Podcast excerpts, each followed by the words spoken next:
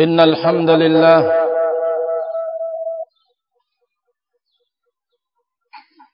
نحمده تعالى ونستعينه ونستغفره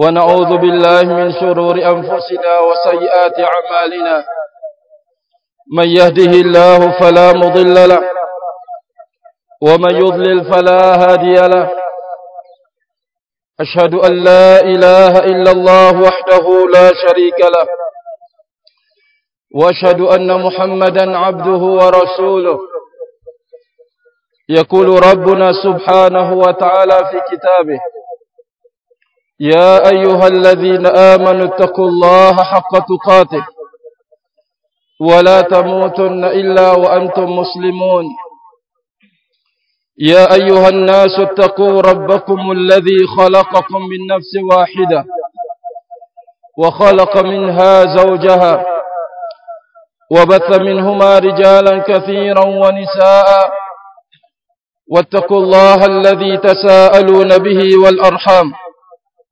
إن الله كان عليكم رقيبا يا أيها الذين آمنوا اتقوا الله وقولوا قولا سديدا. يصلح لكم أعمالكم ويغفر لكم ذنوبكم. ومن يطع الله ورسوله فقد فاز فوزا عظيما. فإن أصدق الحديث كلام الله وخير الهدى هدى محمد صلى الله عليه وعلى آله وسلم. وشر الأمور محدثاتها فإن كل محدثة بدعة وكل بدعة ضلالة وكل ضلالة في النار أعاذني الله وإياكم من النار عباد الله tidak henti-hentinya kita memuja dan memuji Allah Rabbuna Subhanahu atas segala limpahan karunia nikmatnya dan telah membukakan kesempatan yang banyak untuk kita menjadi orang yang taat di sisinya melaksanakan tugas serta menyelesaikan tugas-tugas tersebut yang diembankan oleh Allah. Semoga Allah Rabbuna Subhanahu menjadikan kita orang-orang yang termasuk dari mukbilin orang-orang yang berada pada barisan terdepan. Dan orang yang pertama dan paling utama dalam melaksanakan ketaatan kepada Allah Rabbuna Subhanahu. Dalam pelaksanaan tugas-tugas yang diembankan oleh Allah Rabbuna Subhanahu. Kita yakin dan yakin betapa seringnya kita gagal untuk membangun sebuah ketaatan Namun karena bantuan dan pertolongan dari Allah, kita sanggup untuk mewujudkannya. Kita sanggup untuk menyelesaikannya. Semuanya ini adalah karunia dari yang maha kuasa. Allah Rabbuna Subhanahu. Pantas kita memujinya selalu. Pantas kita memujanya senantiasa. Agar Allah Rabbuna Subhanahu menambahkan kenikmatan yang kita berada padanya hari ini untuk kemudian dengan nikmat-nikmat yang lebih daripada hari ini. Salawat dan salam tidak kita lupakan pula buat Nabi kita Muhammad sallallahu alaihi wasallam yang telah berjuang, yang telah berkorban segala apa yang dimiliki oleh beliau, lahiriah dan batiniah, berkorban harta benda, tenaga dan pikiran, bahkan berkorban darah untuk memperjuangkan agama Allah, menyelamatkan hamba-hamba Allah. Semoga Allah Rabbuna Subhanahu memasukkan kita ini termasuk orang yang menerima dan menyambut seruan Nabi kita alaihi salatu wassalam yang dulu beliau perjuangkan amanat Allah dengan darah namun sekarang belum ada tuntutan ke arah demikian. Maka pantas kita pertama kali untuk mempersiapkan diri. Dan yang kedua untuk menjadi orang yang terbaik di hadapan bimbingan Nabi kita Muhammad sallallahu alaihi wa ala alihi wasallam. Ibadallah Allah Rabbuna subhanahu telah memperlihatkan bantuan dan pertolongannya kepada kaum muslimin secara umum dan khususnya kepada kita bahwa pada hari ini kita bisa melaksanakan sebuah tugas yang diembankan oleh Allah Rabbuna Subhanahu wa taala untuk menutup tugas yang panjang sebulan lamanya ibadah Allah yaitu berpuasa pada bulan Ramadan. Allah Rabbuna Subhanahu telah memberikan kemampuan dan kekuatan untuk menyelesaikan ibadah tersebut dengan susah payah dan jerih payah kita. Allah Rabbuna Subhanahu wa taala membukakan peluang yang besar untuk kemudian menata kembali di mana kita telah keluar dari bulan yang padanya barokah yang padanya keutamaan padanya segala macam kebaikan bahkan padanya berbagai macam bentuk amal ketaatan dan ibadah. Itu telah berlalu di mana Allah Rabbuna Subhanahu telah menyebutkan bulan yang telah berlalu ini melalui lisan Rasulnya Muhammad sallallahu alaihi wasallam baik di dalam Al-Qur'an ataupun di dalam sunnah Rasulnya Muhammad sallallahu alaihi wasallam. Mengingatkan kembali kepada kita untuk kemudian kita mengerti bahwa bulan yang telah berlalu tidak akan kembali lagi. Kesempatan yang sudah berlalu dan hilang tidak akan bisa kembali terwujud. Mari kita melihat dan mendengar apa kata Allah Rabbuna Subhanahu dan Rasulnya Muhammad sallallahu alaihi wasallam tentang keutamaan bulan yang telah berlalu. Rawal Imam Al-Bukhari wa Muslim. Di dalam sahih keduanya dari sahabat Abu Hurairah radhiyallahu anhu. Kata Rasul alaihi salatu wassalam idza jaa ramadhanu futihat abwabul jannati wa ghulqat abwabun nar wa suffidatis syayatin kata Rasulullah sallallahu alaihi wasallam. Apabila Ramadan itu telah datang Allah Rabbuna subhanahu membukakan pintu surga dan menutup pintu neraka dan mengekang atau dierat atau diikatnya syayatin kata Rasulullah sallallahu alaihi wasallam. Keutamaan yang besar yang disebutkan oleh Rasul alaihi salatu wassalam dibukakannya pintu surga peluang untuk meraih surga melalui amal soleh dan ketaatan ada pada bulan Ramadan dan kemampuan untuk mengerem dan membatasi gerak lajur daripada nafsu yang jahat ini. Berikut syayatin diberikan oleh Allah Rabbuna subhanahu keutamaan pada bulan Ramadan rahimani wa rahimakumullah Allah membelenggu syayatin sehingga tidak memiliki kemampuan lagi untuk berbuat sebagaimana mereka bisa berbuat di luar bulan Ramadan keutamaan bulan yang telah berlalu. Rahimani wa rahimakumullah. Sehingga bagi orang yang hatinya hidup akan merasakan bagaimana keutamaan yang disebutkan oleh Allah melalui Rasulnya Muhammad sallallahu alaihi wasallam mudah, gampangnya untuk meraih ketaatan dan melaksanakan amalan-amalan soleh ada pada bulan Ramadan. Yang kedua, kemampuan diri kita untuk kemudian membentengi diri dari bisikan nafsu dan syaitan ada pada bulan Ramadan itu sendiri. Namun itu telah berlalu ya ibadallah. Ramadan yang disebutkan oleh Allah Rabbuna Subhanahu شهر رمضان الذي أنزل فيه القرآن هدى للناس وبينات من الهدى والفرقان bulan Ramadan bulan diturunkan kepadanya Al-Quran ya ibadallah apa itu Al-Quran aturan pertama dia adalah firman Allah Allah Rabbuna subhanahu wa ta'ala berfirman untuk memberikan aturan hidup yang sempurna bagi golongan jin dan manusia.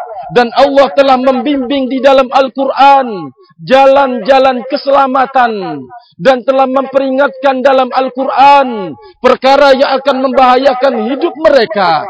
Itu Allah turunkan pada bulan Ramadan. Sekali lagi bulan yang penuh barokah ini telah berlalu ya ibadallah Allah Rabbuna Subhanahu menyebutkan inna nahnu nazzalna inna anzalnahu fi lailatul qadr wa ma adraka ma lailatul qadr lailatul qadri khairum min alf shahrin tanazzalul malaikatu warruhu fiha bi rabbihim min kulli amrin salamun hiya hatta matla'il fajr kata Allah Rabbuna Subhanahu Sesungguhnya kami menurunkan Al-Quran pada malam Lailatul Qadar itu. Tahukah kalian, tahukah anda apa itu Lailatul Qadar? Lailatul Qadar adalah beribadah padanya, melaksanakan ketaatan di dalamnya. Satu kali itu adalah lebih baik daripada anda beramal seribu bulan kata Rasul kata Allah Rabbuna Subhanahu tidak hanya itu saja. Pada malam itu Allah turunkan para malaikat untuk kemudian mencatat kembali takdir dalam setiap tahun yang telah ditetapkan oleh Allah Rabbuna Subhanahu. Hiya salamun itulah malam keselamatan bagi aulia Allah bagi para walinya Allah itulah malam keselamatan bagi orang yang taat kepada Allah itu adalah malam keselamatan bagi mereka-mereka yang mutasabiku nabil khairat berlomba-lomba di dalam kebaikan. Namun malam itu telah berlalu ya ibadallah yang tidak akan kembali lagi barakallahu fikum. Malam itu telah meninggalkan kita yang kembali tidak akan datang menjumpai kita kecuali jikalau Allah masih memanjangkan umur kita pada tahun yang akan datang. Dan memberikan kesehatan dan peluang untuk membangun ketaatan di dalamnya kembali ya ibadallah. Maka oleh karena itu mari kita bersama-sama untuk mengoreksi ulang akan sebuah perjuangan besar setelah keluarnya dari bulan Ramadan ini. Kalau kemarin kita dibantu oleh Allah dengan dibelenggunya syayatin dan dibukakannya pintu surga dan ditutup pintu neraka. Sekarang kita harus berjuang kembali untuk menghadapi syayatin yang sudah terlepas dari belenggunya. Untuk menghadapi hawa nafsu yang suatu saat akan bekerja sama dengan musuh yang disebutkan oleh Allah Rabbuna Subhanahu wa taala. Fattakhiduhu aduwa jadikanlah syaitan itu sebagai musuh bagi kalian kata Allah Rabbuna Subhanahu peluang untuk menang. Pada bulan-bulan yang akan datang amat sangat jauh bagi kita ya ibadallah. Karena musuh ini telah disebutkan oleh Allah akan mendatangi anda dari arah depan dari belakang samping kanan dan samping kiri Allah bercerita siapa yang akan selamat kalau bukan orang-orang yang menyambut atau yang mendapatkan rahmat dari Allah Rabbuna subhanahu wa ta'ala. Mampukah kita kembali untuk menjadi orang yang beriman dengan sadiqin. Dengan orang-orang yang imannya jujur kepada Allah Rabbuna subhanahu. Di bulan Ramadan, anda siap meninggalkan sesuatu yang dibutuhkan oleh jasad anda dari makan dan minum untuk mengejar rahmatnya Allah, untuk mengejar ridhonya Allah, untuk mengejar kasih sayangnya Allah. Pada bulan Ramadan, anda siap untuk meninggalkan sesuatu yang anda butuhkan di dalam hidup, mendatangkan keluarga, mendatangi keluarga anda. Anda lakukan hal itu di bulan Ramadan untuk kemudian mengejar cintanya ilahi, mengejar ridhonya Allah subhanahu wa ta'ala. Sanggupkah anda untuk mengulangi kembali pada bulan-bulan yang akan datang atau pada hari-hari yang akan datang untuk mengekang diri dari sebuah kemaksiatan yang akan mengundang murkanya Allah, yang akan mengundang marahnya Allah, yang akan mengundang azabnya Allah subhanahu wa ta'ala kejujuran iman pada bulan Ramadan. Mari kita bersama-sama untuk membuktikan kembali bahawa hal itu tidak mungkin akan bisa terwujud jikalau kita tidak belajar agama Allah Rabbuna subhanahu wa ta'ala. Ibadallah kita masih mengingat tentang betapa seringnya kita menang untuk menguasai hawa nafsu kita yang ammaratum bisu pada bulan Ramadan. Kita telah berusaha untuk membentenginya, mengikatnya, bahkan mematahkan segala keinginan hawa nafsu pada bulan Ramadan. Namun bulan kemampuan itu telah berlalu. Sekarang dibutuhkan perjuangan yang kuat dan kokoh untuk kemudian bisa menundukkan hawa nafsu kita. Ya ibadallah, Allah Rabbuna subhanahu wa ta'ala menjelaskan tentang musuh yang ada di dalam jasad kita ini. Inna nafsa la'ammaratun bisu. Bahwa sesungguhnya nafsu kita ini selalu menyuruh kepada yang jahat kata Allah Rabbuna subhanahu. Oleh karena itu, qad aflaha man tazakka, ay qad aflaha man zakkaha, wa qad khaba man dassaha sungguh telah beruntung, sungguh telah berjaya, sungguh telah menang orang-orang yang telah berhasil mensucikan dirinya. Dan sungguh telah celaka orang-orang yang menodai dan mengotori jiwanya. Kata Allah Rabbuna subhanahu wa ta'ala. Kita mampu menghadapinya pada bulan Ramadan. Kemampuan itu akan melemah pada hari dan bulan-bulan yang akan datang. Maka oleh karena itu, mari kita berusaha untuk menyelamatkan diri kita, melindungi diri kita, menjaga diri kita, membimbing diri kita dengan wahyu yang dengan nyalah perjuangan di masa yang silam. Berhasil, itu pula yang akan menjadikan keberhasilan di masa sekarang ini. Ya ibadallah, Allah Rabbuna subhanahu wa ta'ala telah menyebutkan akan sebuah keutamaan yang telah kita raih di bulan Ramadan. Mudah melaksanakan ketaatan sebagai wujud takwamu kepada Allah. Gampang meninggalkan keharaman sebagai wujud takwamu kepada Allah. Mudah yang diberikan oleh Allah pada bulan Ramadan. Sanggupkah kita untuk mempertahankannya pada hari-hari yang akan datang karena ketakwaan dalam melaksanakan perintah Allah dan meninggalkan larangan. Butuh perjuangan butuh pengorbanan. Kalau pada bulan Ramadan Allah membantu kita dengan dibelenggunya syaitan. Namun mereka sekarang telah dilepas oleh Allah Rabbuna subhanahu. Tinggal sekarang kita akan berjuang untuk meraih dan mewujudkan gelar al-muttaqin. Orang-orang yang bertakwa kepada Allah. Rabbuna subhanahu wa ta'ala. Semoga Allah menjadikan kita termasuk dalam barisan mereka-mereka yang bertakwa kepada Allah. Karena Allah menyebutkan innama yataqabbalu Allahu minal muttaqin. Sesungguhnya Allah hanya menerima amalan dari mereka-mereka yang bertakwa ibadallah. Pendidikan demi pendidikan telah diperlihatkan oleh Allah Rabbuna subhanahu. Dan kita merasakan pendidikan itu pada bulan Ramadan. Pendidikan untuk anda menjadi orang yang hidup tawadu mendahulukan keinginan yang maha kuasa daripada keinginan dirimu sendiri.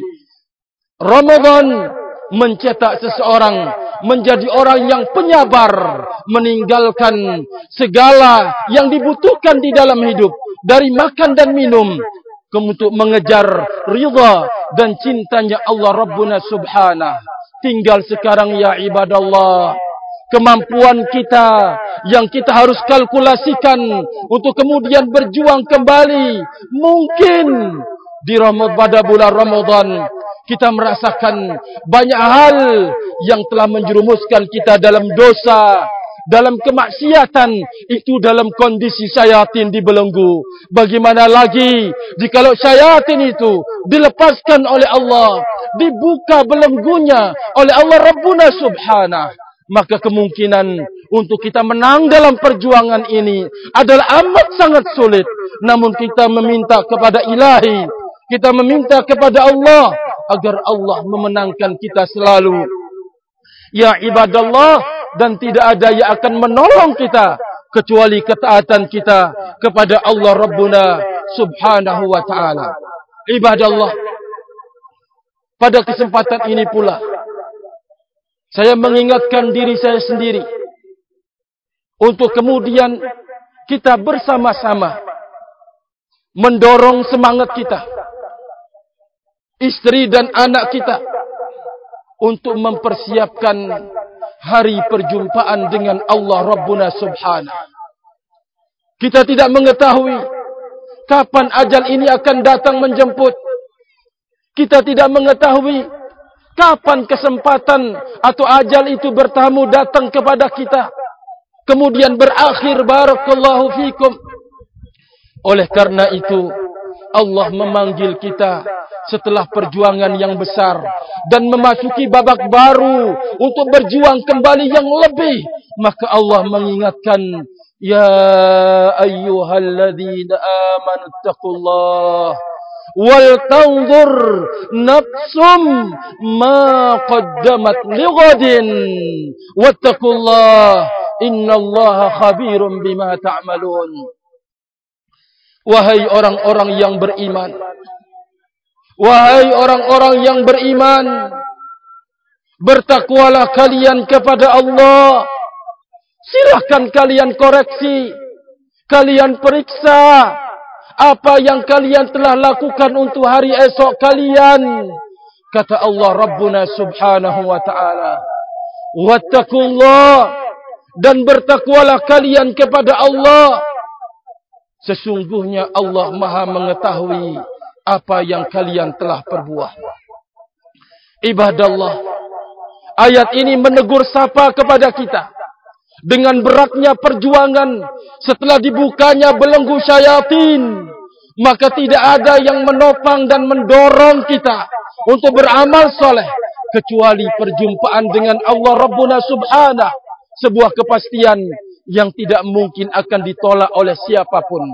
Bagaimanapun bentuk kematian anda, mungkin anda terbakar sampai menjadi arang, atau mungkin anda hilang, dicabik-cabik oleh binatang buas, tetap anda akan kembali kepada Allah Rabbuna Subhanahu.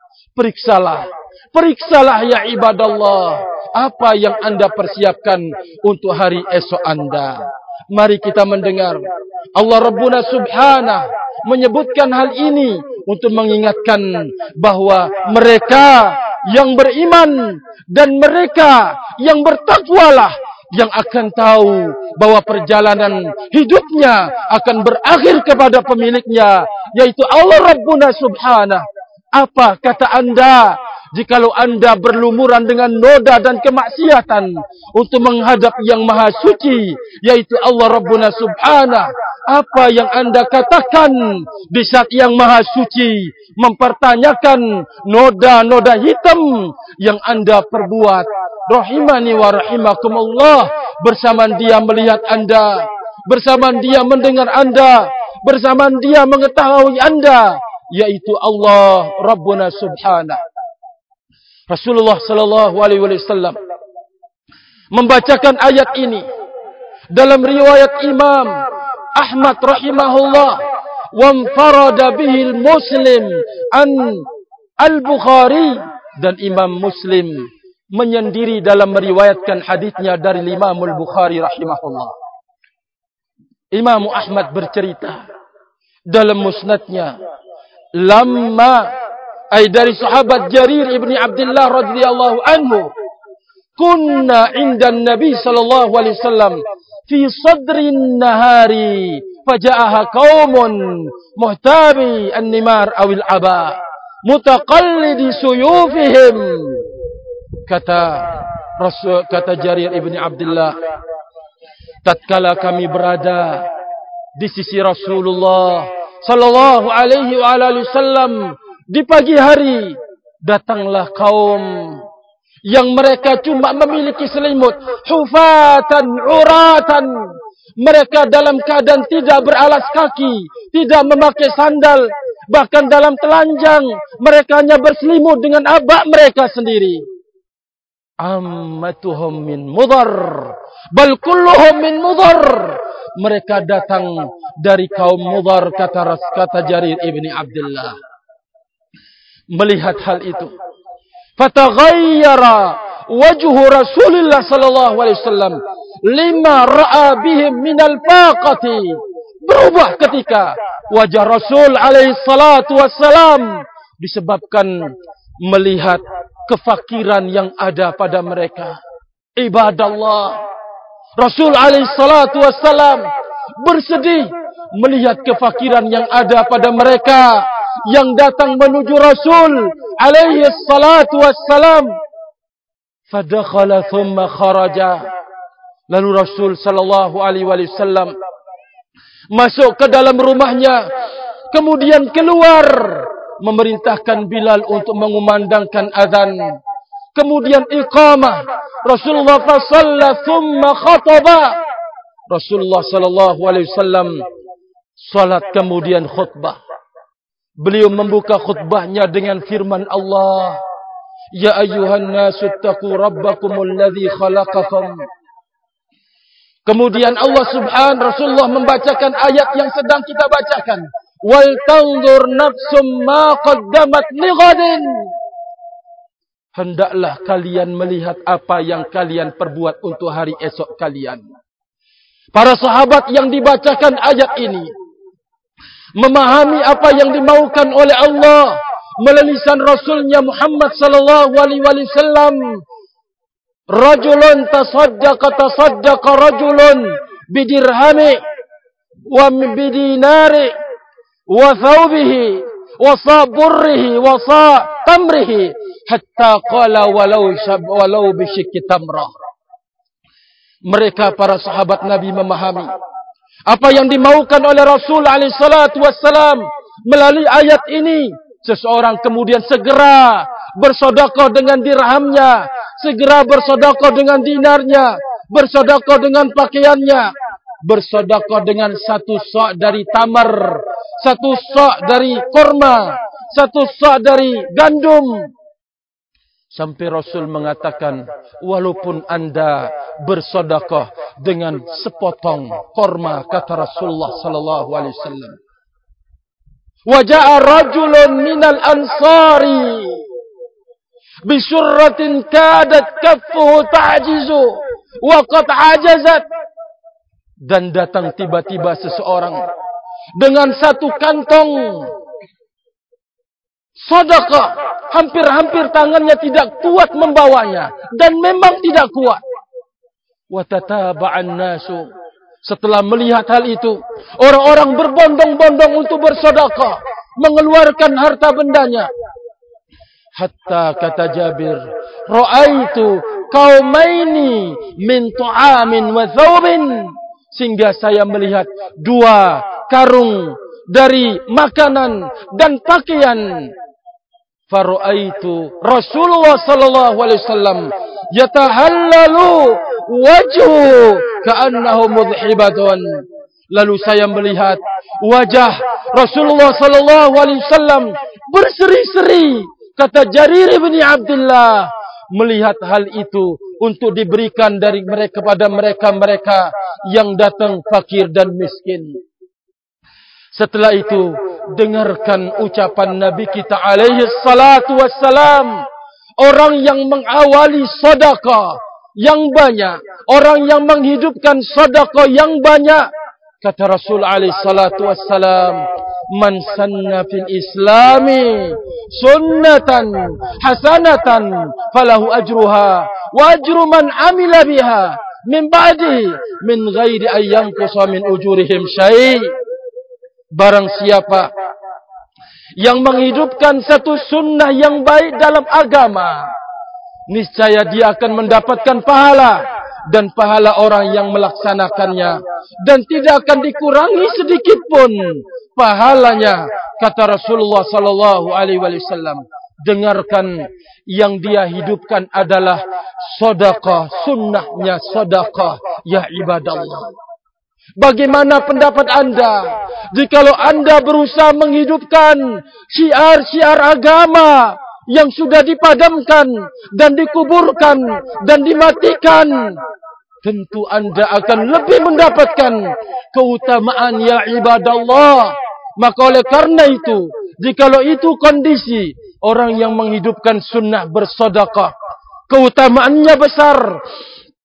Bagaimana pendapat anda lagi, jikalau engkau termasuk orang-orang yang menghidupkan sunnah Rasulullah sallallahu alaihi wasallam di saat sunnah-sunnah itu dikebumikan di saat sunnah-sunnah itu ditinggalkan rahimani wa rahimakumullah. Tentu keutamaan yang agung yang besar dari Allah Rabbuna subhanahu wa ta'ala. Membutuhkan kesabaran membutuhkan keikhlasan membutuhkan kejujuran dalam membangun sunnah Rasulullah sallallahu alaihi wasallam. Jangan menyangka bahwa sunnah ini akan tertolong dengan kedustaan. Jangan menyangka kalau sunnah ini akan tertolong dengan lisan yang dipoles. La wallahi. Tertolongnya sunnah Rasul alaihi salatu wasallam dengan kejujuran anda terhadap diri anda dan terhadap Allah yang telah memberikan hidayah kepada anda menuju sunnah Rasulullah sallallahu alaihi wasallam. Keikhlasan anda dalam memikul amanat ini dan amalan anda dalam mengikuti tuntunan nabi kita Muhammad sallallahu alaihi wasallam. Lahiriah anda dan batiniah anda maka junjung tinggi penghidupan sunnah Rasulullah sallallahu alaihi wasallam dimanapun anda berada Allah telah mencatat keutamaan bagi orang yang menghidupkan syariatnya. Demi Allah, kita meminta kepada Allah Rabbuna Subhanahu ketabahan dan kekuatan untuk memperjuangkan sunnah beliau alaihi salatu wassalam hatta al-mamat sampai kita dipanggil oleh Allah Rabbuna Subhanahu. Ya Allah, betapa beratnya kami memperjuangkan sunnah engkau. Tetapi ringan bagi kami. Tatkala engkau menjemput kami dengan pertolongan engkau ya Allah anugerahkan kesabaran kepada kami dan kekuatan serta keikhlasan untuk memperjuangkan syariat Nabi engkau ya Allah. Barakallahu fikum. Semoga Allah Rabbuna subhanahu mencatat kita termasuk orang yang ikhlas dan bersabar termasuk orang yang jujur dalam memperjuangkan sunnah Rasul kita Muhammad sallallahu alaihi wa ala alihi wasallam. Wa akhirul kalam walhamdulillahi rabbil alamin. Subhanaka Allahumma bihamdika ashhadu an la ilaha illa anta astaghfiruka wa atubu ilaik. Wassalamu alaikum warahmatullahi wabarakatuh.